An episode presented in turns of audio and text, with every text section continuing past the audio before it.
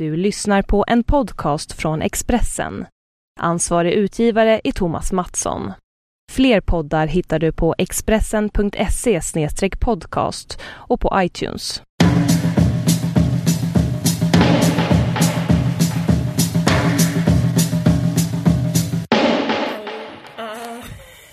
Jag vet inte vad man säger. Arrivederci. Det säger man inte. Buonasera. Buonasera. Förlåt, det hörs ett biljud. Det- det- Mobilen är avstängd. Ja. Okej, då bara är det väl så. Jag är alltså på Capri. La Dolce, la... La do... Nej, skitsamma. Eh, ja, du är på Capri. Mm. Själv, vad är du? Jag är, i Ma- jag är i Malmö. Det är för att vi ska kunna ge er poddlyssnare maximal eh, rapportering. Som Carolina åkt till Capri. Vi måste täcka Capri i podden. Exakt. Det fanns ett sånt jävla akut behov av att så här, eh, Det fanns ett glapp, det fanns en efterfrågan. någon måste tala om Capri. Och därför har du åkt dit. Nej men Cap- på riktigt. Capri du blöder. berätta, berätta varför det är på Capri? Eh, jag är här för att skapa, as per usual. Eh, jag skriver, eh, som trogna poddlyssnare vet, eh, på, på en roman. Det är min andra Ja. roman.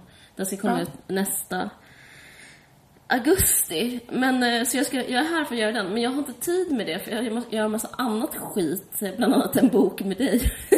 Jag vet. Och en podd med mig. Förstör jag ditt konstnärskap? förstör och förstör. Är Men- jag Yoko men- Ono för dig och du är John Lennon?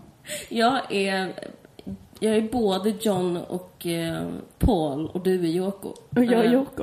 Precis. Nej men för att eh, jag har faktiskt inte tid med mitt eget konstnärskap på grund av dig. Nej precis, för jag är bara så här, vi ska göra en performance. Du ska vara med. Alla ska ha på sig vitt. Precis. Ja, men det är verkligen sån stämning. Nej men det är inte sån stämning, men det är att jag måste... mm, Jag skriver även det här tv-seriemanuset som jag också gör med dig faktiskt. Så det är... Det är faktiskt, Det är faktiskt- farligt nära sanningen att... eh, Men sen, när det är över, så ska jag skriva min roman. Och det var därför jag åkte hit. Och det var därför jag fick det här stipendiet. Så nu när alla så här, eh, stiftelsemedlemmar lyssnar kommer de... Jag vet inte vad som kommer hända. Men eh, snälla säg att du kommer att ha liksom lite tid att skriva en roman, eller? Ja, jag hoppas det. Typ. Det hoppas jag verkligen. Det vill jag ha. Men det är också soft att bara vara här och bada. Fattar. Ja. Men du har blivit sjuk, eller? Ja, jag har blivit sjuk. Alltså jag, jag var för sugen, sugen på att ha det liksom för real. Har du varit i Neapel någon gång? Napoli? Nej, tyvärr. Det är typ så här den smutsigaste staden. Det är som Shanghai, typ. Det är, fast Ital- den italienska Shanghai. Det är så här extremt smutsig stad, extremt hög brottrate. Eh, där, det, Camorran finns där. Som, vad heter hon som skrev den boken? Om hur, Ja, just det. Ma- Maja Lundgren. Ja, Myggor och tigrar, den utspelar sig i Neapel. Det är liksom super, super, eh, den stad i Italien som mest maffia. Eller Sicilien också kanske, men eh, i alla fall där. Och det är liksom riktigt smutsigt. Och, och så var vi där nere i hamnkvarteren på en marknad och fick äta så här eh, Ja, typ eh, en jätteäcklig kiosk serverar de eh, så fantastiska delikatesser bara för att det är deras typ av snabbmat. Alltså för, så en hummer som blivit avrättad av maffian. Precis. Och, det, och om man är en romantiker eller, eller klichéartad person som jag är, jag vet inte vad jag är, men det är något... En mussla som blivit kvävd av med en halsduk.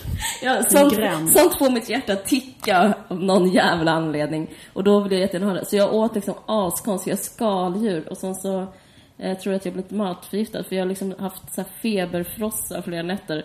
Och eh, när jag var liten så sa min mamma alltid så här eh, om du kan böja huvudet ner så har du inte hjärnhinneinflammation. Men om det känns stelt, då har du hjärnhinneinflammation och då kanske du kommer dö. Liksom. Hon är läkare. Ja.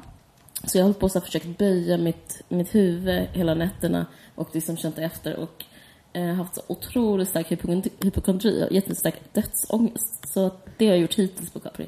Men kan man få hjärnhinneinflammation av skaldjur?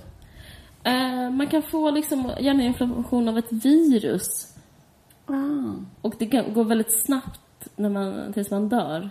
Det är som, eh, du känner säkert till någon sån person som bara, hon fick ont i huvudet sen så ett dygn senare var hon död. Ja, alltså, men, alltså just den här grejen att uh, människor som är barn till läkare, det har jag hört från flera människor som är barn till läkare, att så här, uh, de ringer sina föräldrar och är så här, jag är så ledsen eller det, min tjej har gjort slut och så är det alltid så här, kan du böja huvudet uh, så att hakan nuddar, eller typ så här, och, utan att det gör ont. Då är det så här, inget annat tillstånd Det är är något som vi ens behöver prata om. Så är det så här, jag vet inte, jag kan inte andas, eh, jag vet inte vad jag ska göra med mitt liv. Men kan du böja huvudet? Det är exakt. Sen ringde jag min moster, eh, för min, mam min mamma var på Kreta och då så jag ringde min moster och då sa hon också samma sak. Eh, Men sen så hon har slängt in blindtarmen in the mix. Så hon, hon fast jag inte ont på någon sida så hon att smärtan kan vandra. För jag har också ont, förutom huvudet, har jag ont i magen. Så nu har jag Men, eh, kanske tyck- blindtarmsinflammation och men, hjärninflammation. för, men förlåt, men lekman, men om du har ätit så riktigt, riktigt smutsiga skaldjur i en gränd, då, då har du väl bara blivit matförgiftad, eller? Så här vidrigt matförgiftad. Kanske, men okej det här är så tråkigt för poddlyssnarna. Men skit, vi måste snart sluta. Men Det är dags för Fråga doktorn. En diagnos, en, en, en, en, en lekman famlar efter en diagnos. Inte Fråga doktorn, utan någon som verkligen inte kan försöker hitta på en diagnos. Det är den typen av Fråga doktorn. Ni borde fråga doktorn. Um, ja, alla, i alla fall, jag vet inte. det är väl korta jag svaret. Alltså, det som lyssnar så, så finns det en programidé här. Den heter såhär, någon borde fråga en doktor. Ah, gud. Men hur som helst, det har inte gått över på flera dagar. Varenda natt har jag frossat. Det känns i och för sig lite så internationellt om du förstår vad jag menar. Det är lite så Descartes. Ja, Uh, ja men verkligen. Det, jag känner igen det där lite grann att bara så här, uh, att man är liksom i sjuk i utlandet och så går man, eller jag vet inte, jag kommer ihåg när jag var i Mexiko så var jag alltså alltid så här, ja men att man är så här odefinierat, exakt den där grejen, man har ätit något, man har bara pissont i huvudet, jätteont i magen. Så går man typ till en gubbe som så här trycker en lite granna på pulsen och säger så här, du har en jätteallvarlig hjärtesorg som du måste ta tag i. Och man bara, jo jag vet, men jag också. liksom, äh, min bror var så här äh, i Indien äh, nyligen och hade också massa olika eh, så här liksom eh, symptom. Nu kommer jag inte ihåg vad han hade. Han hade typ ont i knän, han hade gjort yoga och skadat sina knän eller sånt där. Och då gick han också till en doktor och då sa doktorn så här. Eh, du har eh, mardrömmar, eh, prestationsångest och eh, ytterligare någon grej. och du, det betyder- beror på att du äter för mycket eh, du har för mycket hetta i kroppen, du äter för mycket eld. Typ. Alltså sån stämning. Men, men, här, vad, hände med hans knän då? Nej men absolut ingenting. Alltså det var så här. Okej. Men det var också en sån liksom, de har ju rätt då, alltid. Och det är så han bara, ja jag vet, jag har typ exakt de problemen i mitt liv. Men just nu så skulle jag bara vilja så här kunna typ böja benen typ. Jag fattar. Men, eh, ja, men det om det. Det om, det om Fråga doktorn, eller? Men det låter eh, ändå jävligt, jävligt eh, eh, jobbigt. Det är så jävla vidrigt att vara sjuk. Förlåt, ett supertråkigt poddämne men Det är tråkigt att vara sjuk. Nej men det är sant. Men det är tråkigt att ha dödsångest. Det, det, det är inte tråkigt att vara sjuk, men det är tråkigt att tro på riktigt att man kommer dö, att det är sista dygnet av ens liv. Jag vet inte. eh, jag tror du det nu? Ja, att det här är alltså sista grejen är, alltså, vi ska prata om det här senare, men jag läste, både du och jag läste Lina Dunhams Men bok. tänk att du väljer att podda med mig på ditt sista dygn. Ja, men, nej, men nu så på dagarna är man glad, men på nätterna. Men, men i alla fall, hennes bok, då pratar hon om sin dödsångest som barn. Och, men jag har aldrig, jag har aldrig haft sån dödsångest som barn, men jag har liksom fått det som vuxen. Du pratar om Lena Dunhams bok? Ja, men precis. Vi ska inte prata om den just nu. Jag bara menar att jag känner igen mig otroligt mycket i mitt nuvarande tillstånd. Det här liksom den riktiga, riktiga dödsångesten man kan ha. Man tror, är övertygad om att något, alltså något katastrofalt ska hända, att man kommer dö. Det är fruktansvärt. Ja, det är helt fruktansvärt. Det är så jävla vidrigt. Vad ska man göra då? Ingen aning faktiskt. Eh, jag vet inte. Jag vet faktiskt inte. Nej.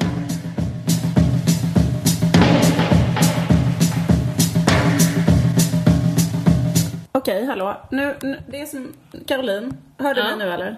Ja, för, Okej, ja, det hörs jättevidrigt. Men vi bara försöker köra på. Vi kör på. Och så ser vi om vi kan liksom Ja. ge, leva oss igenom detta. Jo, vi har ju fått en ny kulturminister. Har, det nått, har den nyheten nått dig där borta på kontinenten? ja Alice Ba. Mm. Eh, Ba. Förstår att det ska uttalas. Ja, jag, jag, jag menar, jag, förlåt. Ja, men Alice Ba. Nej, jag, jag har alltid sagt ba i hela mitt liv, men så lyssnade jag på hennes sommarprat igen eh, för att... eh, Gjorde du? eh, Vad ambitiöst. Mer. Mm. Jag läste en eh, intervju med henne i den kristna tidningen Dagen. Hon är kristen också. Och den är gjord 2009, alltså innan hon var så här påtänkt som kulturminister. Men då fanns det en sån eh, faktaruta längst ner där det var så här korta frågor, typ så här läser just nu, musik jag gillar och så vidare. Senast sedda filmen. Och då var det vissa liksom kulturfrågor. Så tänker jag just för att hon har ju blivit kulturminister. Eh, och så undrar jag om du med din samlade kunskap om Alice Ba skulle kunna gissa eh, vad hon svarar på frågan Åh, gud vad Eh, svårt. eh, Okej. läser just nu. 2009. Mm. Da Vinci-koden. Fack, litteratur och forskningsrapporter. Jaha. Svarar hon på den frågan. Mm. Eh, musik. Gud vad svårt. Musik. Men jag tänker eh, att hon gillar svensk musik kanske. Jag har, jag har, jag har ingen gissning på musik. Förlåt. Men Okej, jag gissar snabbt på musik. 2009 och... Jag vet inte. Jag kan gissa på Coldplay bara för att säga något. Då säger hon så här. Min man brukar sätta på klassisk musik. Jag tänkte säga klassisk musik. Men okej. Ja, min man brukar sätta på... Men vem är hennes man? Det är ju Jo, han, han är turist. är- Ja. Det tycker jag talar för hennes kulturministerpost. Ja, men allt som jag har sagt här tycker jag talar mot hennes kulturministerpost. För det jag menar är så här, läs just nu forskningsrapporter? Frågetecken. Jag tänker att man ska ha ett brinnande kulturintresse. Musik. Min man brukar sätta på klassisk musik. Okej, vi tar det sen. Vi tar, eh, säg det sista. Eh. Senaste sedda filmen. Går nästan aldrig på bio. Okej. TV. Ser inte TV, har ingen TV. Bolibompa är det enda jag tittar på. Oj. Alltså jag bara tyckte att det var liksom så, att det vittnade om ett, eh, ett bristande liksom kunskap om det sitt... handlar om hennes PP, personliga varumärke? Att, hon ska, att det handlar om att hon vill profilera sig själv som fett seriös och då läser man bara facklitteratur och lyssnar på klassiskt och typ har inte tid att roa sig. Det vill säga bio. alltså för att Ah, hon förstår. höll väl på med något sånt uppdrag just då. Hon- höll väl på Plus god mor eh, genom att titta på Ja men precis, att hon bara ville vara profilera sig som en sån random vuxen med ansvar, något sånt där liksom. Eller, och- plus det där med att hon höll på att arbeta politiskt. Bla, bla. Ja. Så du tror att hon kommer att vara en bra kulturminister? Jag tror faktiskt det. Jag tror, jag tror på det enligt devisen hon som vem fan som helst annars, annan liksom. Eh, och, hon och sen så tänker jag att hon måste ha något kulturintresse. Eh, vad ska hon och hennes man annars prata om? Hon håller på med så här method acting. Alltså, jag, tror ändå på att hon, och så har varit inne i nöjessvängen sen Disneyklubben. Jag vet, jag vet inte, Ja. jag känner, jag känner så här, vem skulle, skulle annars vara? Hon, hon verkar så pigg och glad. Alltså, kulturen är så långt borta från vad typ, jag vill att den ska vara ändå. Så typ, jag vet inte, jag känner, jag känner faktiskt inte, jag känner inte sorg. Gör du det? Nej, fast på något sätt så tänker man att man vill att liksom den som, den som är kulturminister ska liksom älska kultur på ett sånt sätt så att kultur är liksom, förstår vad jag menar? Meningen med livet, liksom att den ska ha den inställningen till kultur. Jag förstår, men de människorna skulle aldrig liksom klara av att gå till, eh, alltså, gå upp på morgonen. De människorna som ligger och så här skakar ja, alltså, av så här i delirium. Alltså det är, sån, det är typ alkisar du pratar om. Alltså jag förstår vad jag De så menar. här, eh, snittar upp sin eh, pulsår just nu och skriver en dikt av blodet. Ja men precis, de har inte tid att gå till pleni eller liksom, eller, De har inte att lägga in en motion. Nej, Nej. men det kanske stämmer. Alltså jag tror att man måste vara mycket tråk, eller liksom mycket mer eh, ordentlig som människa om man ska hålla på att vara någon slags minister överhuvudtaget.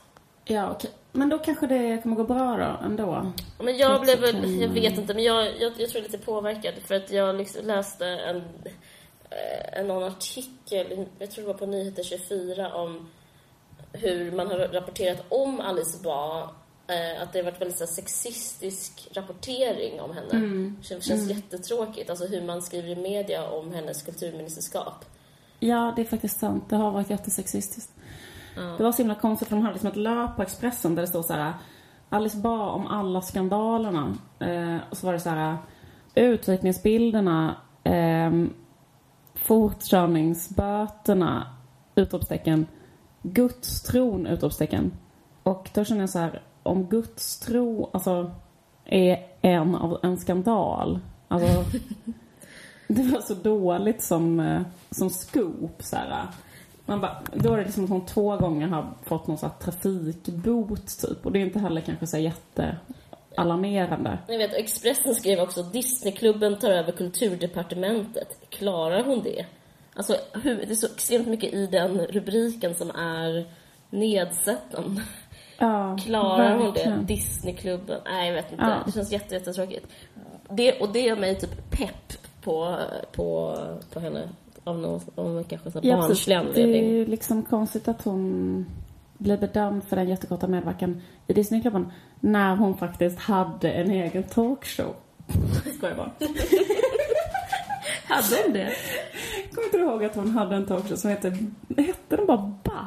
Eller något sånt där. Ja, jag såg den. Alltså, vi, det var väl på 90-talet? Eller var Jag tror att det? var liksom ett, en vilja att göra en svensk opera. Alltså som jag minns det så handlade det om sådana Ja, ämnen. just liksom. Att det, var så här, eh, typ så här, kanske det handlar om typ så här, veganer, vad är det? Typ.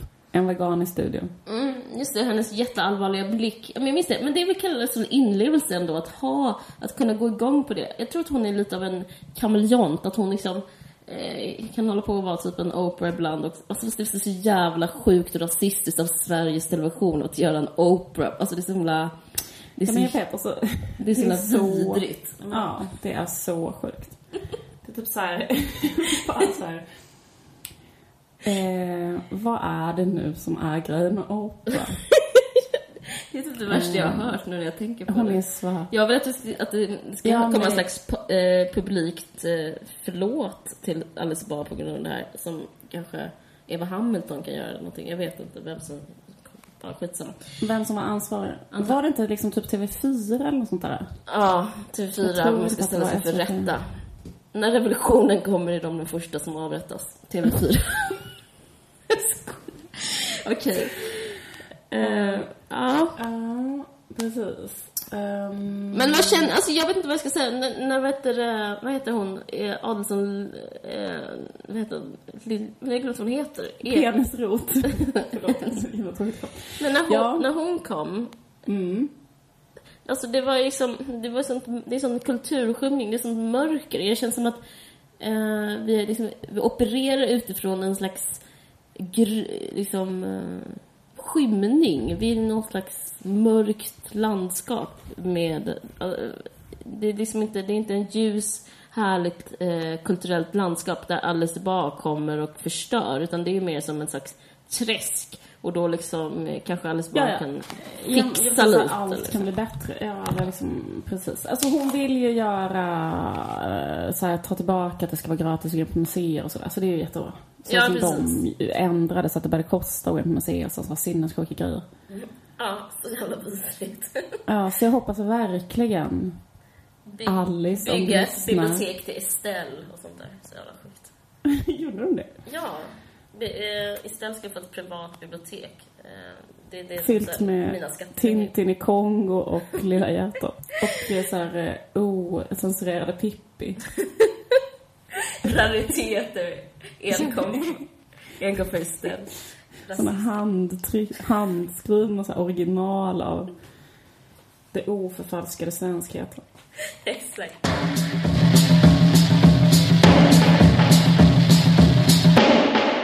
Att jag mår rätt så bra. Jag känner inte sjuk längre. Det är rätt så härligt. Åh, vad skönt. Jag kan berätta en annan sak. Mm. Och det är ju att jag, innan jag kom till Neapel så var jag i Rom. Mm. Eh, förlåt för den här, eh, vad ska man säga, odrägligheten. Alltså jag känner mig så himla privilegierad som människa som håller på så här. Och det är jag ju också. Hur som helst, men, men eh, det var väldigt... Har du varit i Rom någon gång? Mm, jag har varit där två gånger och jag har så osannolikt positiva upplevelser båda gångerna. Alltså så här så här, sinnessjukt positiva upplevelser. Men jag vet, ja, det var första gången jag var där och jag liksom känner mig så himla tacksam för att jag fick komma dit. Det är liksom, jag har drömt om det hela mitt liv och sen så fick jag komma dit. Och alltså min spad, min analys nu är otroligt simpel, men vi måste ändå säga det. Det är så otroligt vackert i Rom. Ja. jag kan inte annat än att hålla med. Ja men eller hur? Visst är det sinnessjukt att vara där? Det är liksom sinnessjukt. Så, Ja. Det är liksom så här, helt så här, eh, man blir typ psykotisk av skönhet. Alltså det är någonting helt, det är liksom galenskap. Eh, Det är så konstigt också, för jag kommer ihåg så här, eh, jag var inne i Sixtin, var du inne i Sixtinska kapellet? Nej, det var inte det. Ja, så Missade. jävla, jag måste vara så sinnessjukt för den där jättekända bilden när Gud skapar Adam, de håller fingrarna mot varandra. ja. De har liksom sett den så här lite grann, lite slappt några gånger liksom. Mm. Men sen så när man går in där och ser den, då är det liksom så sinnessjukt vackert så att man liksom håller på att dö. Att man håller på, det är så här liksom den vackraste blåa färgen man sett i hela sitt liv. Det är ju där Michelangelo låg där och målade den i så här men Jag var lite mer så indie-kapell som också hade så här um, jättevackra tak där också så här Rafael hade målat och Caravaggio. Uh, alltså, så jag såg liksom idén, jag- baxnade också liksom inför så här kyrkotak. Det är väldigt speciellt. Det är så jävla speciellt också i Rom, för jag kommer ihåg när jag var i Rom så var jag så här, då försökte jag gå in så på Petersplatsen och då kom det en tant och bara så här puttade ut mig från, alltså det första man, jag tog en, ett steg in och då var det så fick en sån hård liten knuff ut igen och så bara skrek hon till mig så här någonting, så här skitförbannad. Och då var det så att jag hade en kjol som gick ovanför knäna. Det var så här 100 grader varmt. Då hade jag nog en ganska så här tråkig typ jeanskjol som kanske slutade precis ovanför knäna, förstår du? Men då var det så här för eh, horigt. Och då fick jag inte ens gå in på torget. Ja, det tror jag var lite godtyckligt från henne. För jag, eller, ja, men jag, det är ju sån Alltså hon var bara en aktiv medborgare. Hon hade ingen eh, befogenhet, hon bara ville tjäna Gud liksom. Fritt. Men sen, eh, liksom någon timme senare, så typ så här fick jag typ ta på, ta på mig något annat och gå, där, gå dit. Och sen någon timme senare så kommer jag ihåg att jag gick i Pride-tåget i Rom. Och då var det så extremt mycket så här nakna brasilianska she-males med typ jättestora um, silikonbröst som bara skrek och dansade. Alltså det, är så, det finns ju så himla mycket i Rom. Jag det, vet, att det jag vet. finns liksom, det är så jävla härligt för det är så här, dels är det så och sen är det så liksom. Precis, det finns också den här typ, någon, vad ska man säga, vulgära, så här, defekta, så här, typ nattlivs... Och då hoppas jag att du pratar om katolska kyrkan. Nej, jag tänkte på, jag såg, eh, bara för att jag håller på att punda på det här och för att jag är sjuk så ser jag på film nu fast jag är på Capri. Så jag såg eh, La Dolce Vita av Fellini igår och då är det jättemycket så här den grejen att typ vara ute och festa hela natten i Rom. Alltså, jag blir så Ja. jävla sugen. Men jag bara tänk, men en sak som eh, jag tänkte på när jag var där och såg, jag såg eh, Villa Far, Far, Farnesia. Har du varit där? Farnesina. Men det är, det är Rafael, en av de här personerna på 1500-talet som konstnärerna som målade tak och fresker, supervackert. Och då var det så här eh, i taket, jätte, jättevackert. Men hur som helst, jag, bet- jag började tänka osökt på Louis CK och hans, ehm, eh, vad heter det, hans, hans rutin om slavar. Har du hört den? Eller sett den? Nej. Den är jättebra. Det handlar typ, det är jättekul. Så här, det handlar om, eh, han börjar så här, men slav, slaveri är ju fel, eller hur? Alltså, alla säger att slaveri är fel. Och sen så sen, men det finns en positiv sak med slaveri. Och det är typ, vi hade inte haft att så här, världen har varit så himla ful. Om man ska vara helt, helt ärlig så hade världen varit ful om eh, typ inte människor hade satt livet till för att bygga de mest fantastiska så här, eh, Konstverken. Ja men konstverken och typ Pyramiderna. såhär pyramiderna, Kinesiska muren. kinesiska muren, järnvägen, alltså typ såhär whatever, det är inte så vackert men du fattar. Och att liksom, att man kan mäta så här skönhet nästan på det viset, att ju fler personer som har dött, desto bättre är konsten på något sätt. Och på ett, och på ett sätt är för jag vet inte, det, man har ju så lite dubbla känslor kring Rom och typ att det är så här eller när man, är något, när man ser något sånt vackert, när man ser sådana byggnader där man fattar att människor har... Man fattar att människor har dött. Alltså det är så, Ja. så här, Rafael och hans eh, eh, arbetare by, gjorde den här, det här taket och, eh, och då är det en kyrka som är så enormt stor och så har någon, liksom någon legat upp och ner och typ brutit nacken och kanske ramlat ner och kanske dött, kanske nästa kommer upp. Alltså, jag vet Ja. inte. Jag bara, Plus att liksom hela, alltså det är som att hela det där imperiet bara är byggt på så här benknotor typ. Ja, men det är typ, det är byggt, man har stått på människors eh, skallar för att liksom Ja. eh, ta sig upp liksom. Och det är... Eh, alltså Men det, det blev så bra. det blev så jävla bra. Men, liksom Michelangelo låg på en hög, hög, hög stapel av barn typ från en sån provins typ, ja men typ. Och fast, målade. eller så var det typ någon annan som målade åt honom och de personerna bara ramlade och dog. Men det var all, det är alltid värt det. Men det tycker jag, eh, det är speciellt, jag var i Goethe, nej jag var i Shelleys hus. Keats hus var ju nog. Du vet Keats, Shelley, Byron, alla de romantiska poeterna. Alltså gud, det, det finns inget som jag älskar mer än att läsa om hur de hade det. Nej, exakt, och de åkte Ja. till... Och, nej, jag måste tillägga tyvärr, jag vill inte prata så mycket om mig själv, men när jag var 15 så hade jag hela mitt rum tapetserat av på, dikter av Byron och Kell. Alltså jag, jag vet inte hur jag hittade det här, men jag var extrem romantiker typ och älskade poesi och älskade just eh, Byron och Kelly och Sh- Sheets... Nej, Shelley Kel, och. Kelly och Dylan och Brenda och... I alla fall, så men så kom jag då till nu till, eh, till Keats hus där han bodde och dog som 24-åring i Rom. Och man så fatt, och han var typ led och han typ så här hade tuberkulos och hjärtesorg och allting. Och, eh, och Goethe var där och liksom hade samma skit och Byron var där och hade samma skit. Jag bara, jag bara fick en sån känsla, eller jag fick en ha- aha-upplevelse att Rom var liksom en konstnär i ett makroperspektiv. Förstår du vad jag menar? kanske inte låter så smart, men jag bara fick ändå den. Och det kanske är därför de så här, romantikerna, de led ju för sin konst tills de dog liksom. Att de kanske kände sig hemma där. Och jag kände mig också hemma där. Att jag, jag kände för att åka dit och kanske bo ett år och skriva och lida typ. Kanske inte lida så mycket som att ha det bra, men det är någonting tilltalande med att vara ett ställe där folk har lidit för skönhet. Eh, Det kanske låter perverst, men förstår du lite vad jag Ja. menar? Jag kommer ihåg när jag var där, apropå att lida för sin skönhet, så Ja. jag bara... Alltså, jag har aldrig varit på ett ställe där folk raggar så hysteriskt. Ja, jag vet.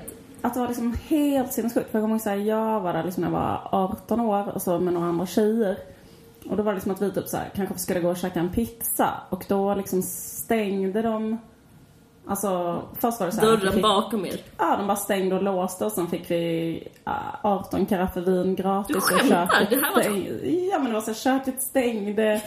liksom de bara omvandlade hela verksamheten till en stor dejt för personalen. och sen var det så här, hoppade vi upp på deras, efter att jag hade fått så här, äta och dricka liksom i timmavis så liksom blev vi skjutsade på deras vespor till ett diskotek där vi var hela natten. Men Alltså, det var vad bara- kul. Det var så en, bara en ändlös eh, räcka av sådana händelser. Alltså jag tror liksom aldrig att jag så här eh, någonsin betalade något själv eller öppnade en dörr själv eller förflyttade mig själv eller alltså Men gud vad då- romskt. det var så jävla romskt. Men jag tror också att det är just när man är så här 18, alltså jag tror, jag vet inte om det skulle, om det skulle bli så igen. Jag vet inte riktigt. Men det, det när man är så här i, i, i verkligen så här en 18-åring som är där med sina blonda kompisar typ. Jag så här- vet. Jag blev sexuellt trakasserad en gång och jag ska inte säga så här eh, att jag blev tacksam för det, men det, det var no, jag vill ändå säga, ja, det var, jag tänkte ändå I still got it. Men det är också deppigt att bli sexuellt trakasserad, för det, man vet inte hur man ska, man vet inte hur man ska reagera. Jag blir bara Det är, tyst. lik, är precis lika delar eh, kränkthet och I still got it. Precis. Nej men såklart. Nej men framförallt så är det ju extremt kränkande. Det, det var typ också en, det, det är som så här bartenders eh, och så här servitörer håller på och typ med någon sån ragging game samtidigt som de jobbar med sitt vanliga jobb. Nej men det var en servit det var en bartender som frågade vad jag hette och sen så sa jag vad jag hette och då tog han min hand och började typ kyssa den jätte, jättemycket. Eh, men då kände jag mig väldigt generad och eh, det var Det väldigt konstigt. jobbigt. Det var asjobbigt. Samtidigt. Jag eh, mår it. dåligt, eller jag tycker det känns det är fel just det här att skämta om sexuella trakasserier Ja. som jag just gjorde nyss. För att Ja. jag har en upplevelse, jag gjorde det för typ eh, några veckor sedan så var jag på krogen och så var det typ en ung feminist som satt vid samma bord som mig. Som jag aldrig träffat innan och var så här, och liksom då sa hon så här, ja ah, men undersökningar visar att tjejer som ser ut, eh, eller som är så påverkade av droger och alkohol, att de blir mycket mer raggade på än tjejer som ser nyktra ut. Okej. Eh, och så här, det är så jävla hemskt liksom. Och då sa jag så här, där fåneskämtet så här. Eh, ja, det beror på om man ser eh, glaset som halvfullt eller halvtomt. Ja. Och då bara stirrade hon så jävla, liksom så här djupt jävla kränkt och sårad och förbannad och sviken på mig. Jag menar. Jag förstår här, det. Det är, det är frestande att skämta om det, men jag håller ju- Det är klart man... Det är ju vidrigt. Jag, alltså det är... Det tycker ju du också. Men alltså jag tänkte på det, för att den där bartendern, han verkar inte se någon slags, liksom, vad ska jag säga, downside med att han se- trakasserar mig sexuellt. Han tycker Alltså jag tror att inga kvinnor säger till. Alltså det är liksom konstigt universum i Rom också, eller hur? Det är ju sällan man ser någon som är så här: nej du får inte, det här är min kropp. Eh, det är liksom, det är en slags jättekonstig charad som ingen så här bryter någonsin. Jag vet inte. Ja, alltså det är väldigt problematiskt. Man kan ju liksom nästan inte röra sig fritt. Alltså i så här...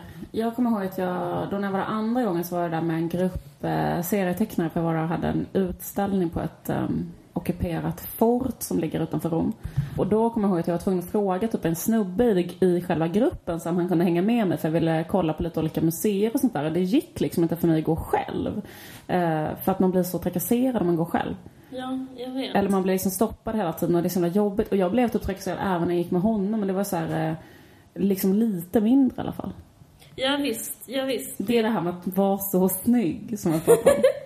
När skön, skönhet och lidande får en funktion. Um, När skönhet blir nej. en ja. börda. Ja men precis, ja, verkligen.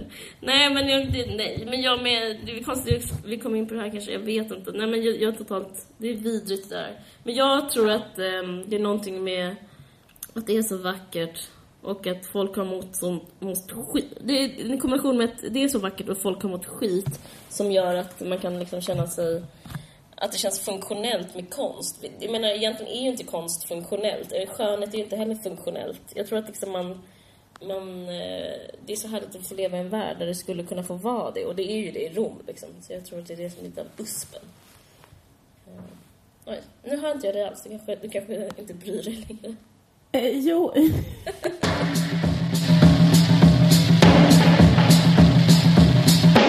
Jag träffade, jag var ute nere i Stockholm typ förra helgen eller någonting och då träffade jag kanske tre, fyra oberoende människor. Alltså folk brukar vara väldigt vänliga vad gäller vår podd.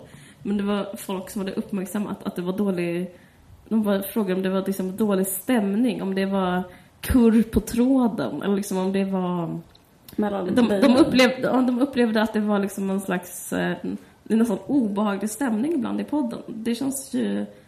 Eh, ja, det måste, säg, det måste sägas. Vi, vi tar i problemet. Mm.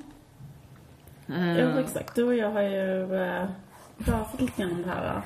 Men det är så, det är faktiskt jävligt, ehm, eller det är så rätt så intressant att, eh, alltså hur det, alltså hur det låter eh, när man pratar i poddar. Att det är så här, ehm, att man kan höra det så himla lätt för det är typ så här en stressad eller spänd eller så här otrevlig stämning. ja, Eller om någon är liksom sur eller så. precis. Alltså det är så transparent. Jag kan själv tänka på det när jag lyssnar på poddar. Att man så hör jättetydligt om det är så här, om det finns typ en, En liten tension liksom. uh, Vet, det, och det är så himla läskigt att lyssna på den typen av poddar som eh, har det som en sån eh, en fond av att de personerna hatar varandra. Det är så himla hemskt att höra två personer liksom säga alltså typ så här minimalt passivt aggressiva grejer men ändå och tro att liksom, det, är ingen som, det är ingen som hör det här. Och ändå, de kanske inte ens förstår det själva, de som säger det. Och ändå så liksom kommer det fram. Eh, det är typ det värsta som Ja, jag finns. vet. Men det är så svårt. Ja, precis. Fast samtidigt, för jag tycker att det är dubbelt. Alltså jag tycker att det kan kännas eh, jobbigt om man känner någon så här, att det är någon obehaglig stämning. Att någon är så här passivt aggressiv mot den andra till exempel. Så.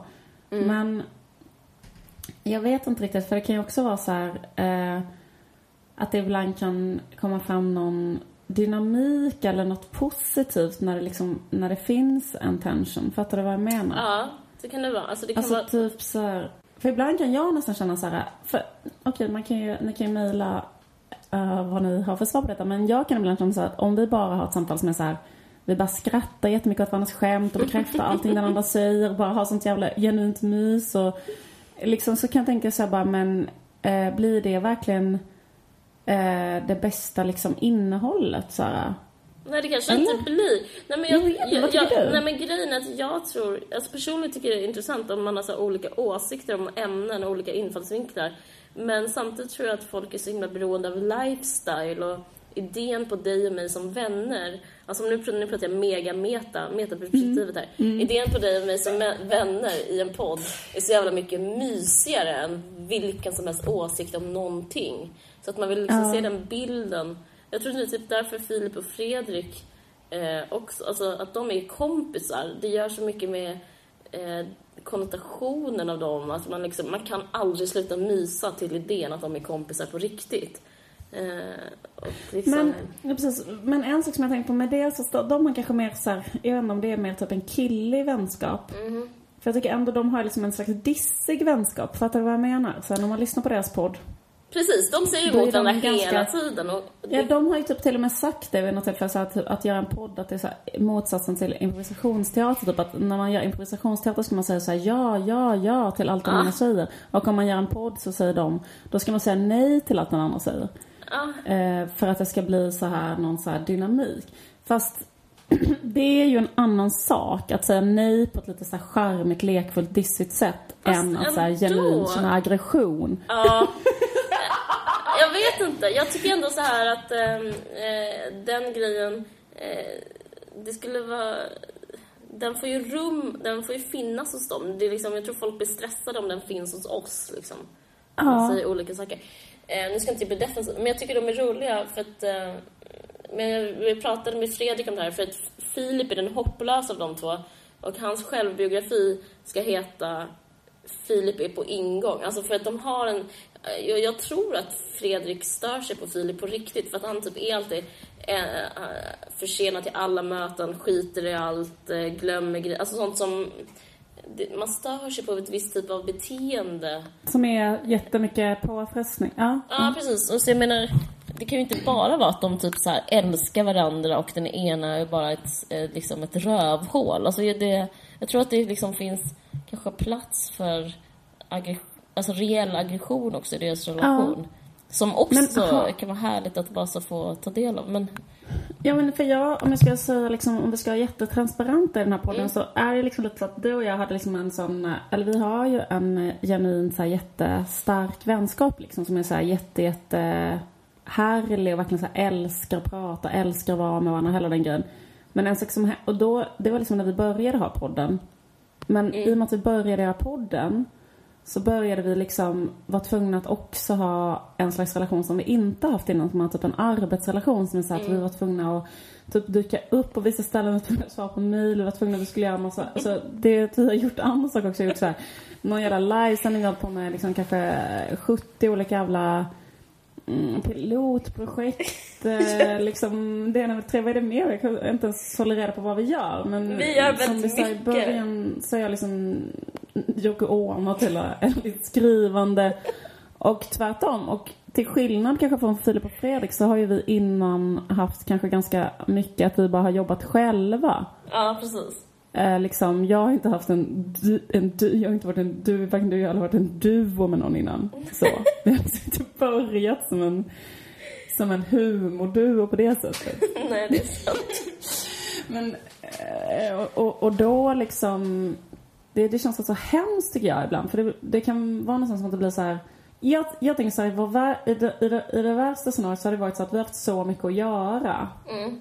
Så att man har typ blivit arg på den andra och man har hört att den andra har gjort någonting som inte är jobb. Alltså, ett riktigt dåligt typ förhållande. att någon säger så här, jag var fika och man bara, ursäkta vad? Sa du? Eller så här. Någon bara, ska jag träffa sin kille? Och någon bara, eh, va? Typ. Jag jobbar just nu och du typ. tycka att du har tid att så här, Jag vet. Ja. Nej men alltså det tycker jag så jag, det, alltså, men det, det handlar om att vara så här. Alltså extremt, extremt, extremt, extremt jävla liksom överarbetad så blir det så himla, himla mycket aggression. Och en annan dimension som jag tror kan vara ibland i vår podd, det är att vi har synkroniserat mens. Det tror jag, det är verkligen min eh, största tolkning att, att både du och jag lider väldigt mycket av PMS och när både du och jag har PMS då är det, it ain't pretty, då är det riktigt illa faktiskt. Ja. En sak som man kan notera i vissa poddar där det är två som pratar, det kan man märka så att den ena personen kanske så här är liksom dissig mot den andra och man, det blir ett förhållande där den andra söker bekräftelse, den ena hela tiden inte ger bekräftelse och sådana saker. Ja, det blir så här top dog, underdog eh, mm, liksom relation. Ja, ja precis. För det, för det tänker jag att, jag att man hör sig rätt så snabbt liksom som Ja. lyssnare. Och jag tror inte att de som gör, att man gör podden, att man liksom hör det lika väl. Nej.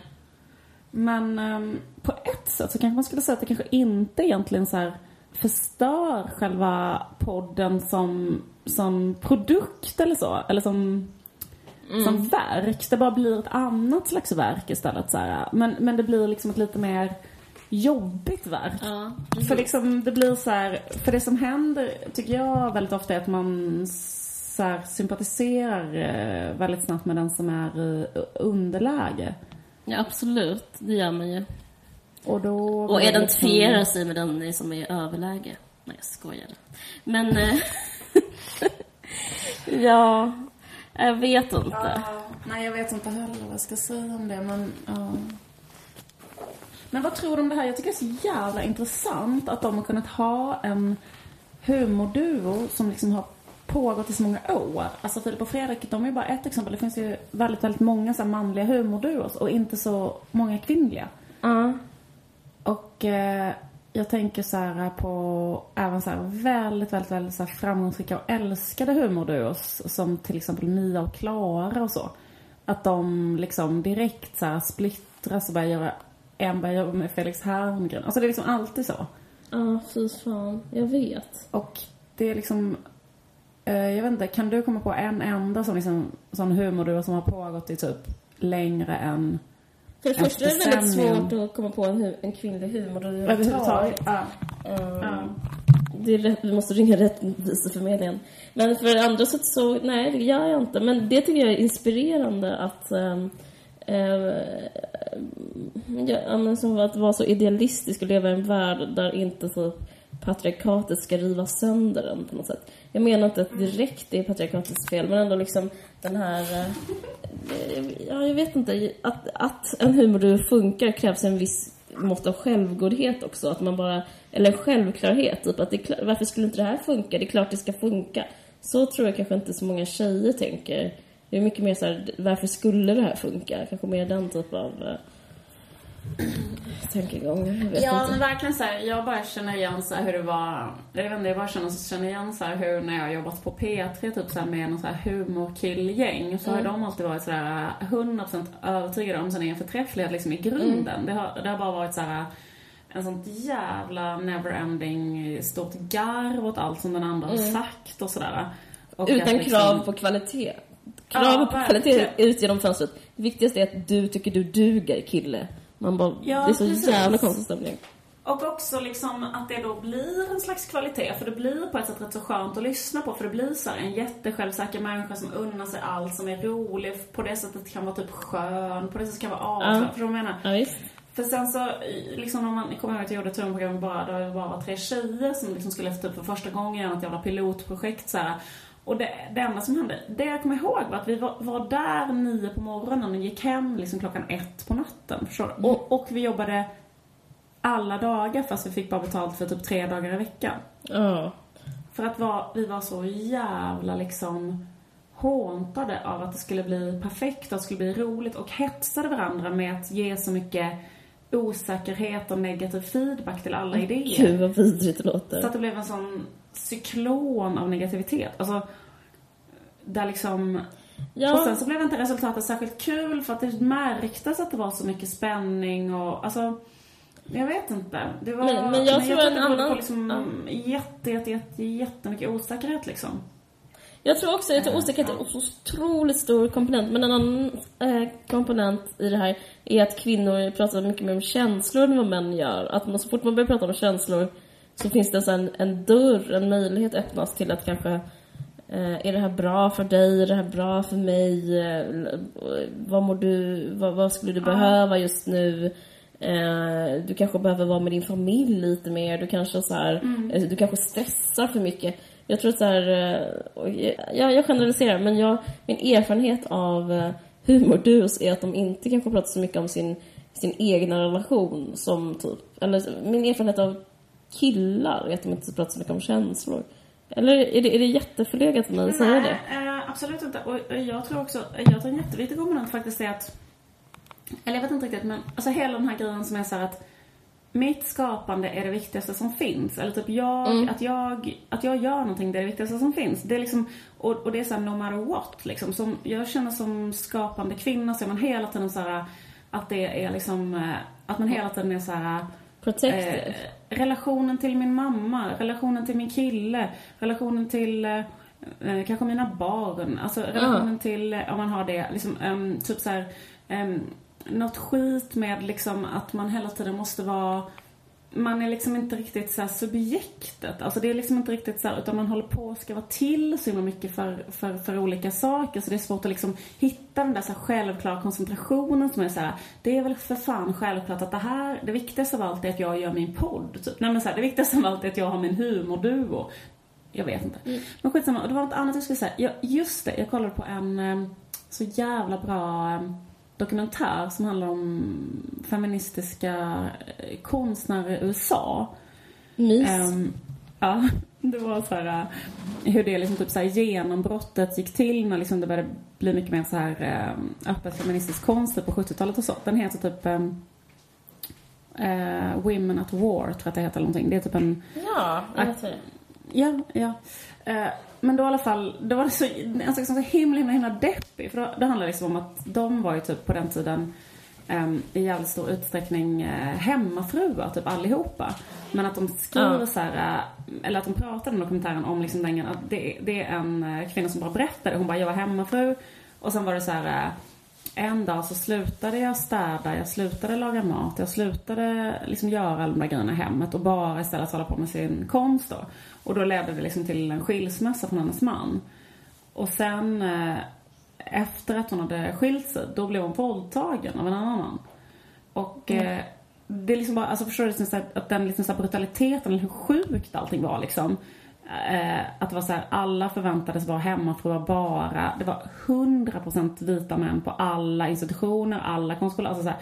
Och sen också, man tänker så här, Judy Chicago som det handlar ganska mycket om, som gjorde ett så här stort konstverk där hon eh, liksom gjorde så här eh, vaginor typ av porslin, eller vulvor så här, som eh, hon liksom ställde ut, som var liksom en repres- representant för, och, och då var det liksom också att då tog de upp det liksom i kongressen och hade så här liksom politiska statements att alltså, republikaner förbjöd det verket att ställas ut för det kallas för så här pornografisk konst. De fick inte vara med på några utställningar. Alltså det var så himla stark repression mot dem. Men det är inte det jag skulle prata om utan att eh, det sjuka är att det de beskriver också i sitt eh, community, att de hade sådana sinnessjuka bråk och fruktansvärda så här fejder mellan sig. Att vara typ, typ så här, alltså extremt mycket så här bashing, att vara så extremt mycket så här att snacka skit om varandra, hänga ut varandra. Alltså vet, liksom eh, att det var liksom så här Ja, jag vet inte, men det var någon tant som pratade om det. Att hon bara, nu kan delar av de här falangerna liksom träffas.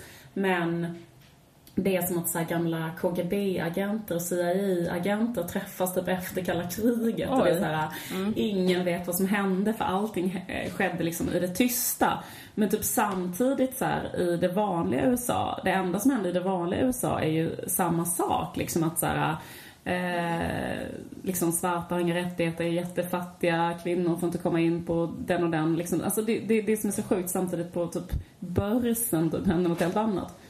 Det hemska i det att vara ett utsatt community och sen det enda man gör är att så här, hålla på med någon slags jätte, jätte, jättevidrig typ kannibalism där man bara hejtar på andra liksom. Och det tycker jag som man ser så jävla mycket idag också. Och jag bara önskar att man hade något motgift mot det alltså. Ja, jag bara menar i den politiska rörelsen. Det är så jävla, jävla, jävla utbrett liksom. Att man istället för att koncentrera sig på liksom en större fiende så håller man på liksom att hacka så otroligt mycket på varandra. Jag håller helt med. Jag håller helt med. Det gör mig så deprimerad. Det är nästan som att jag inte tycker den informationen ska spridas. Det är så jävla discouraging att veta att en sån stark kvinnorörelse bråkade jättemycket. Vidrigt. Man sa typ att Judy Chicago så här, pratade så jävla mycket offentlig skit om Barbara Kruger. jag orkar inte det. Ja, men jag blir riktigt ledsen när jag hör det. Fan, Ja, jag vet. Ja, men, men det kanske inte var bara så.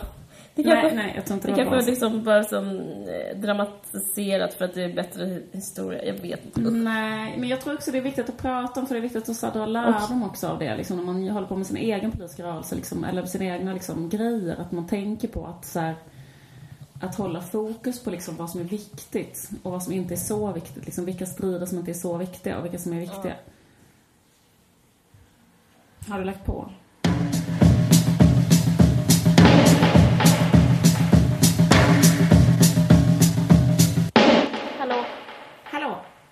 Jag är tillbaka. Ehm, ja, men just det. Vi båda två läst eh, Lena Dunhams eh, bok som heter eh, Not That Kind of Girl. Yes. Och, för nytillkomna lyssnare kan jag berätta att eh, Lena Dunham är hon som gjorde Girls, tv-serien. Det är bra. Och nu eh, har hon liksom gjort en bok som är, kan man säga, att den är väldigt mycket så här att bara berätta olika delar av hennes eget liv. Det är biografi kan man väl säga. Det är väl typ en slags självbiografi. Ja. Som hon skrev, började skriva när hon, eh, första säsongen av Girls tror jag det var. Eh, ja men eh, jag, jag lyssnade på Slates, har du lyssnat på den eh, podden? Eh, Cultural Gabfest. De pratade Nej. om boken där. Och, och det var innan jag läste den så fick den väldigt så här. Då var det så här vad du beskriver igen. Det var så här tre så här jätteintellektuella kvinnor som satt och pratade om den. Och typ eh, recensionerna var så här, hon är falsk. Eh, hon är typ, den är dålig, hon, eh, hon koketterar. Eh, ja, jättemycket sånt. Så jag blev så himla så här nedslagen att bara höra, höra en kritik som är att en författare är falsk. Alltså det är så otroligt undermålig kritik. Jag vet inte hur jag ska börja liksom. Vad använder de uttryck? Jag har det på engelska som fake. Ja, fe- ja visst, att hon är fake. You want to believe it but you don't believe it. Hela den grejen. Men det är så intressant. Det skulle, alltså apropå det där med att feminister kritiserar varandra så himla mycket och så. Att, att, och kvinnor överhuvudtaget liksom, men även så här, verkligen så här feminister. Det är liksom en grej som som jag tänkte på för, det har vi pratat också om innan i podden, att hon har blivit jättekritiserad för olika saker. Att inte ha så här, eh, tillräckligt mycket liksom, eh, rasifierad representation i Girls och så. Eh, Eh, och eh, det eh, vidrar hon ju lite grann i boken. Men jag tycker det skulle vara rätt så intressant att höra henne säga ännu mer om det. För, att, för det är ju liksom rätt så, rätt så loll på ett sätt. Eller det är ju liksom rätt så talande att hon har nog fått ta jag tror att hon har fått ta liksom mer skit för vad hon har gjort som regissör än vad liksom Polanski har, har, har fått ta för vad han har gjort. Alltså jag, jag tror på riktigt att det har skrivits mer rasande inlägg om Lena Dunham. Och då har hon ändå, tänk ändå vad hon har gjort så här för Då har hon inte Vilken- våldtagit en 14-åring. Ja men precis. Det är liksom så här, vad är det hon har gjort och vad är det, ja alltså. Ja, men jag vet. Men jag ska säga att jag tycker väldigt mycket om boken och det säger inte jag. Jag försöker inte vara uppbygglig feminist. Det är inte därför jag säger det. Jag, ty- jag tyckte om boken. Vad tyckte du? Jag tyckte om den. Jag Ja. skrattade och eh, liksom eh, Vissa delar tyckte jag var så enormt bra och Ah. så jävla intressanta. Ehm, och jag tänkte verkligen det där att hon inte var fejk. För jag tycker att hon, jag, bara, jag tycker det viktiga så alltid att man inte är fejk. Och jag tycker så jävla härligt att hon inte var det. Det är sån men jag- dokusåpa-kritik. Ja, fortsätt. Ja, precis. Hon är så jävla fast. Nej, men jag... ehm, Nej, men jag tänkte på det att hon, hon är ju väldigt ärlig hela tiden med vem hon är. Att det är så här, jag kommer från den här jätte... eh, liksom, eh, hennes mamma uppfann selfien. Det är jättekul. Alltså typ att... Ja, hon är superprivilegierad, bodde i ett loft i New Det är York. fantastiskt att de föräldrarna har lyckats med henne. För man tänker så här, hon måste komma från en sån miljö där liksom hennes mamma har bara tagit så här nakna självporträtt på sig själv hela hennes uppväxt. Och då är det klart att hon själv typ kan vara naken i film och kan göra det mycket. För man blir ju så här, hur kan hon ha blivit så här? Det är så jävla rörande, just den biten Ja. som du, du sa eh, att Lena Dunham skriver att hennes mamma uppfann selfies och att hon har väldigt så här avslappnat förhållande till sin nakenhet och då så det, det, är så, det är så fint att Lena Dunham också bara kan vara naken och att hon kan vara naken och typ första människa i, på typ planeten Tellus som är kvinna och inte ser ut som fotomodell och är naken i fiction. Det är helt fantastiskt liksom. Det är helt fantastiskt. Ja. Och, och, vet du vad jag känner eh, hopp? Vad jag kände för slags hopp när jag läste det? Jag kände ett hopp om moderskapet och det feministiska moderskapet. För ibland tycker jag att man absolut kan känna hopp kring det. Man bara, men det går ju inte Mm. att så här, Eh, vi har sagt det här innan i den här podden tror jag till och med bara för att eh, jag kan typ aldrig glömma det när vår gemensamma kompis eh, som har växt upp med en väldigt feministisk eh, mamma Ja. berättade att hon, eh, att hennes mamma brukade sjunga för henne varje kväll så här, eh, det är så fint med tjocka magar typ eller Ja, just det. Ja. Eh, att liksom, men jag bara tänker så här, den typen av uppväxt att så här, Att det funkar. Tänk, ja, att det funkar. Det, jag, kan känna att det, det känns så... Tänk vad vackert att den där feministiska jätteprogressiva konstnären kunde liksom vidarebefordra det till sin, sitt barn och inte, verkar inte heller ha gjort så att barnet hatar henne typ. Men det tycker jag nästan är, eh, det, det största intrycket av, av den här boken är just eh, dotter, mor och dotterrelationen. Jag är så fascinerad av mor och dotterrelationen och det var jag liksom redan innan jag läste den här boken, det tror jag också sagt tidigare på den, men jag lyssnade på en en eh, podd som Alec Baldwin hade som heter Here's the thing, han kanske har den fortfarande och då intervjuar han hela Dunham och då säger hon så här, eh, han frågar okej, så hur är förhållandet med din mor? Och då bara jag älskar henne, hon är så himla underbar, jag älskar att eh, tillbringa tid med henne, hon är bäst, bästa personen som finns. Och då blir han, då sätter han i halsen för han är såhär, men gud vad hände med typ det moderstraumat som finns i varje konstnärs eh, liksom, bakgrund liksom, som lurar i faggorna. Då säger han, men jag har inget moderstrauma. Och det känns så himla, jag blir så avundsjuk och fascinerad att hon bara liksom har en otroligt bra relation med sin mamma. Det känns ju också så progressivt. Alltså Ja. det är så himla Det är så intressant. nytt. Det är typ så det mest moderna. bara, ja, Ja. exakt. Man bara, vad sa du att du gjorde? Hon, Alltså, hon det är hatar så- inte sin mamma, det är jätteinspirerande. Ja, jätteinspirerande. För det är liksom hela vår västerländska kultur bygger ju på det. Det är så all psykologisk teori bygger på det till exempel. Mm. Ja, Alltså, jag sen Freud öppnade käften första gången så var det ju så här, men din mamma och så vidare. Ja. Men också hela anknytningsteorin som alla psykologer älskar mest av allt nu som är Ja. den mest liksom så här populära typ teorin. Den bygger ju, och det är också en gubbe som hatade sin mamma som var så här, det handlar jättemycket om så här, vad mamman gör den första, den första tiden. Alltså så här, det må väl vara hänt men det är så intressant också att tänka på ett annat sätt kring mammor typ så här, Ja, att så här, Det kanske inte bara är deras fel. Allt helvete som finns då. Men jag känner igen mig liksom i hennes, ändå liksom, för att så fort hon hade problem så gick, fick hon gå i olika så här, terapier och även hon och hennes mamma gick i så här, relationsterapi. Alltså jag vet inte, men det finns ju någonting med det som jag tänker inte har att göra med att mamman är underbar, att den har Dunham är smart eller att de gick i bra terapi, utan också att de är i New York. Ja. Alltså så det finns ett skimmer som, Ja. som gör att det är, liksom, det är långt bort och där är en värld möjlig. Alltså att sitta så här på ett sånt... Det, det känns ju också liksom när hon beskriver som de allra sämsta perioderna i hennes liv känns ju liksom svinhärliga. Alltså det är så här, Ja, precis. Mm, hon bara, jag hade en ful eh, knallgul hockeyfrilla och eh, kände mig ensamast i världen och gillade att gå på loppisar. Och man bara, mm, det kan omkring med loppis i New York med en ball frisyr. Alltså så här, Ja, hur kan ha varit typ. Eh, men jag vet inte, det, det avsnittet som jag tyckte var mest så här, fy fan, det här har jag aldrig eh, liksom eh, pinpointat innan. Fan vad intressant. Apropå patriarkatet och feminism och så. Ja. Det var när hon beskrev hur det var att vara liksom en ung eh, tjej som själv vill regissera och ha liksom en egen konstnärlig vision. Ja. Och sen att hon beskrev att så här, alla, typ så här, eller jätte, jätte, jättemånga så här äldre, inte bara regis- filmregissörer men också andra så här, liksom människor inom media så här, att de liksom drogs till henne som man dras till någon slags så här, fluga till en sockerbit. Och hennes kompis kallade dem för så här sunshine stealers. Ja. Och det tycker jag att, för att när de, de har liksom ing, inte längre någon vilja att göra något, de har inget de brinner för, de kan inte säga något längre, de har liksom ingen inspiration, de är bara så här bittra och trötta och så här överdrivet framgångsrika, men helt liksom tomma.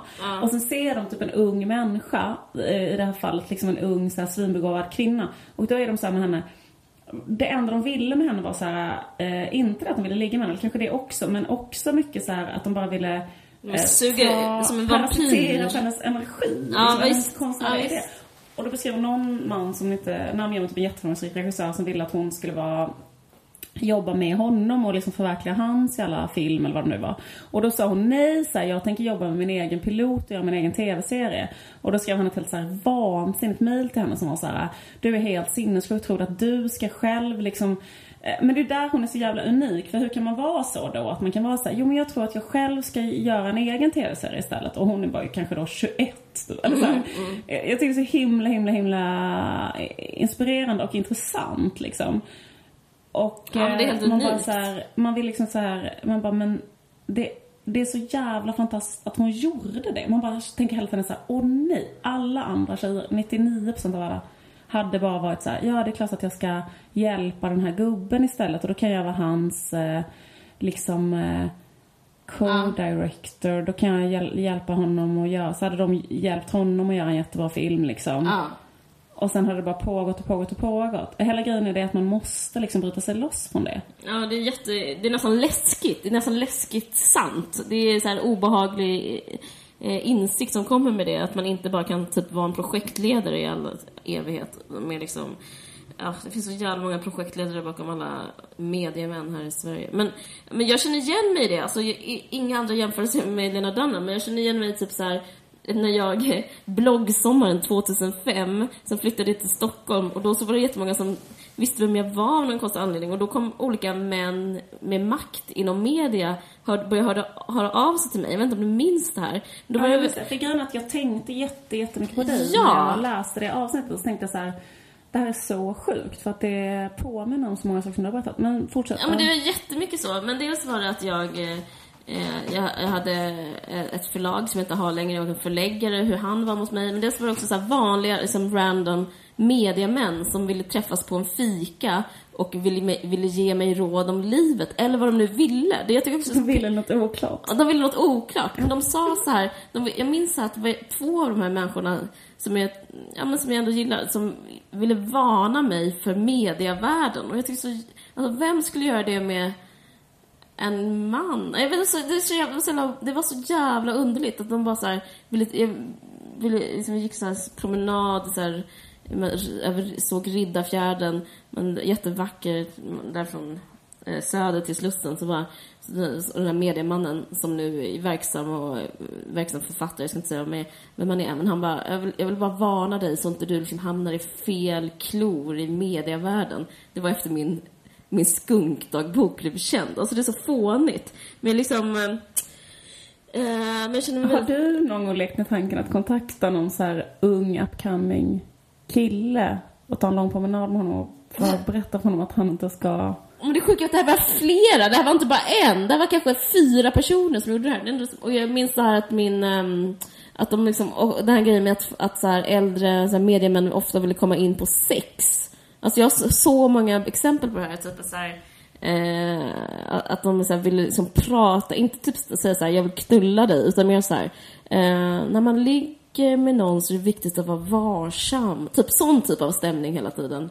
Ehm, Eh, Känner du igen det här? Eller, liksom, eller, eller så är det något med mig. Jag vet inte. Jag känner att... Jag känner Jag tror att det är ditt eget fel. mitt eget fel. Nej, men, men, jag, jag bara, men jag har varit med i den här situationen så jävla många gånger att jag bara, gud, det här är helt gränslöst. Och varför säger du det här till mig? Och vad vill du mig? Du mediaman, eh, 40 plus, eller så här. Nej, kanske 33 plus, liksom. Så Mm. jävla sjukt. Ja, alltså, ja men exakt, men det är väl, det då tänker jag att de ville liksom ha din konstnärliga energi eller liksom något sånt där. Och ligga med personen. Men men, ja, men jag vet inte. Nej men jag har inte varit med om det så himla mycket. att Jag tror inte tycker det. att Jag tror, jag tror inte de ville ha min konstnärliga energi. Jag tror bara att de var arga att jag fanns. De, bara, de ville så städa undan mig, upplevde jag jättemycket. Bara, du, vad fan är du? Du ska bort. Så upplevde liksom, eller, vi må, jag, att liksom, de skulle bara så här fixa till mig på något sätt. Det var något konstigt. Jag bara... Eh, jag liksom var som något så damm för dem som skulle fixas bort. Jag vet inte hur jag ska säga riktigt. Ja. Eh, och skit i Men jag det. känner så här, jag har varit verksam i serievärlden som är så jävla konstig eh, liksom, värld, verkligen på alla sätt. Men liksom, jag kommer ihåg, eller det är en sak som jag kan slå sig fortfarande, att det, det är så intressant med serietecknande män, kanske i största allmänhet, men liksom att det som de gör när man pratar med dem, det är liksom att de pratar bara om sig själva. Alltså jag har aldrig varit med om att, alltså jag har nog aldrig varit med om att någon har så här ställt en fråga till mig eller, alltså på riktigt, alltså det enda som har hänt är att de har bara berättat saker för mig och jag är så här skitsamma, liksom jag kan ju sitta här en timme och lyssna på någon som pratar liksom. Men det har aldrig hänt tror jag att någon har varit så här bara hur hur tänker du eller hur gör du? Det är bara den här coachiga liksom anekdot eh, Ja liksom grejen där man ska vara så här, någon form av elev. Så, alltså, men jag har varit, inte varit så himla mycket i den världen. Men det, jag slås av det alltid. Att det är så här, det är så himla konstigt det där att det alltid finns ett, så här, ett gott råd till hands. Eh, när det är så osannolikt uncalled for. Att man så här, så här, liksom, liksom aldrig undrat något angående mitt serieskapande. Jag har liksom bara gjort det. Alltså det var så här, jag har typ aldrig haft en fråga kring det. Nej, precis. det är faktiskt sant. Det är jätteroligt. Ja, men det, jag tycker det var väldigt bra. Det, bok, alltså, det som var bra med hennes OCD var väldigt, eller det som var med hennes OCD var också väldigt så här, starkt, tycker jag. Alltså det om Ja. att vara så här liten och ha en psykisk, eh, hålla på med något skit. Det, det var bra. Ja. Ja men precis. Där känner jag igen mig 100 procent. Och jag hade också såna OCD-grejer när jag var liten. Men skillnaden är väl att så här, vi bodde inte i en sån terapeuttät tät eh, tid eller plats eller så. Så att det var mer så här bara, man bara hade det. Men jag kommer, jag kommer ihåg, jag tror det är skitvanligt liksom. Man hade hela tiden såna Eh, ja men jättemycket så. Dödsångest, så konstiga ritualer kring vad man fick göra och inte göra. Och vilka färger man kan röra och inte röra. Och hur många liksom trappsteg och hur många, alltså allting, allting, allting, allting. Ja, men det tror jag liksom är skillnaden på att ha liksom, vara privilegierad och inte privilegierad på något sätt. För att jag, alltså man, man kan beskriva barndomen som att det bara är så någon, att man är maktlös fram tills man är 15. Men, men hon måste ju haft en barndom där hon inte liksom ansågs maktlös. Där hon är så här, men vi måste fixa dig, vad kan vi göra för dig, vad är dina behov? Eh, det är ju väldigt speciellt alltså. Ja, jämförelsevis alltså- med typ en dräng i Småland på 1800-talet, liksom, hur de växte upp, eller hur man, hur Och man då själv menar, växte menar du hur jag hade det? Ja, men nej, men jag menar, du hade det säkert okej, men jag tror faktiskt du hade varit mycket mer maktlös än vad hon var. Och, Jo, Eh, absolut. eh, och det är därför barndom är så vidrig, för man, som barn har man ju liksom... Alltså det är speciellt att ge henne en sån eh, vikt redan vid Men den... jag, jag, jag, dels den där socioekonomiska biten av hennes uppväxt men sen tycker jag att det är så jävla... För det är väl egentligen det som säkert är också nyckeln till varför hon kan säga till den där gamla manliga regissören så här, nej Mm. jag tänker inte hjälpa dig med din film fastän du är typ så här, eh, liksom en av de kändaste i världen. Alltså du vet så här, Mm. jag ska göra en egen tv-serie på vinst och förlust. Liksom, alltså, för att hur hon beskriver sin egen position i sin familj. Alltså att hon hade en mamma och en pappa. Också att de liksom så levde tillsammans hela tiden. Alltså, jag tänker att det så här, blir ett väldigt stort fokus på barnet ifall föräldrarna, liksom bara hur hon beskrev en, som den sekvensen hur hon fick sin syster. Att hon när hon var sex, sju år började skolan. Och då hade hon typ hittat på till sin fröken så här, min mamma är gravid. Hade hon bara sagt så här. Och då hade fröken sagt så här, men grattis typ. Och så sa mamman så här, men jag är inte gravid typ. Och sen hade mamman och pappan pratat med henne och sagt så här, jaha vill du ha ett syskon eller är det därför du typ sa det? Hon hade typ bara sagt det som man är så random när man är liten liksom. Eh, Men då var de så här, jaha du, jaså, du vill ha ett syskon? Och sen typ skaffade de ett syskon. Och då bara skrek hon så här, nej jag vill absolut inte ha ett syskon. Och någon som gjorde intrång i hennes liksom kungarike typ. Och då var de så här, va men, aha, men du sa att du ville ha ett syskon. Det var, det var liksom så hon fick sitt syskon. Alltså jag bara menar vilken så här, vilken position i familjen. Ja, det är, det är jävligt speciellt att lyssna så jävla mycket på eh, ett barn. Alltså det, det, det, det, det är så jävla inspirerande. Ja, det blir så intressant, eller det blir liksom, man fattar ju så varför hon har blivit så, att hon har kunnat bara bli typ regissör och så. Men en sak undrar jag, hon hyllar sin pojkvän så jävla, jävla, jävla mycket typ. Hela boken är så dedikerad till honom och... Sin kille, hon är jättekär, äh, Ja, verkligen. Att det, ja, exakt. Att det är så här typ, eh, you're all they promised liksom, they, you should be och det, alltså typ så är hon honom. Ja, jag vet. Det, det, men, det, men, det tycker jag är så härligt. Men, jag, men hon har ju sån, saker hon har lärt sig av sin mamma, så står det också family first. Jag, jag tror hon har otroligt ja. sån stark, ja. alltså, familjekänsla liksom. Att hon vill, det är viktigast av allt, det är viktigare än jobb. Det tycker jag är väldigt inspirerande, för det tänkte jag att det skulle hon aldrig tycka, men uppenbarligen så tycker hon att hennes kille är viktigare än hennes jobb. Det är liksom rätt så ovanligt ur så här, att typ en feminist säger det liksom. Jag vet inte. Jo, precis. Men jag undrar liksom... Uh, hon tänker väl förmodligen att hon ska ha ett sånt förhållande som hennes föräldrar hade. Att hon sa att livslångt äktenskap och hennes konstnärsäktenskap och allt är underbart. Så. Ja, jag tror och det. Och de verkar ju ha lyckats med det, hennes föräldrar alltså. Um, men alltså vem så kollade på några bilder på honom på internet så tänkte jag så här, Ja men tänk om han bara blir ihop med någon annan. Okay, Fattar du vad jag menar? Att man tänker så här, vad ska, vad ska hända då? Hoppas verkligen inte det, för det kommer bli en bra film. Ja, jag tänkte just det. Hon kommer göra säkert bättre grejer.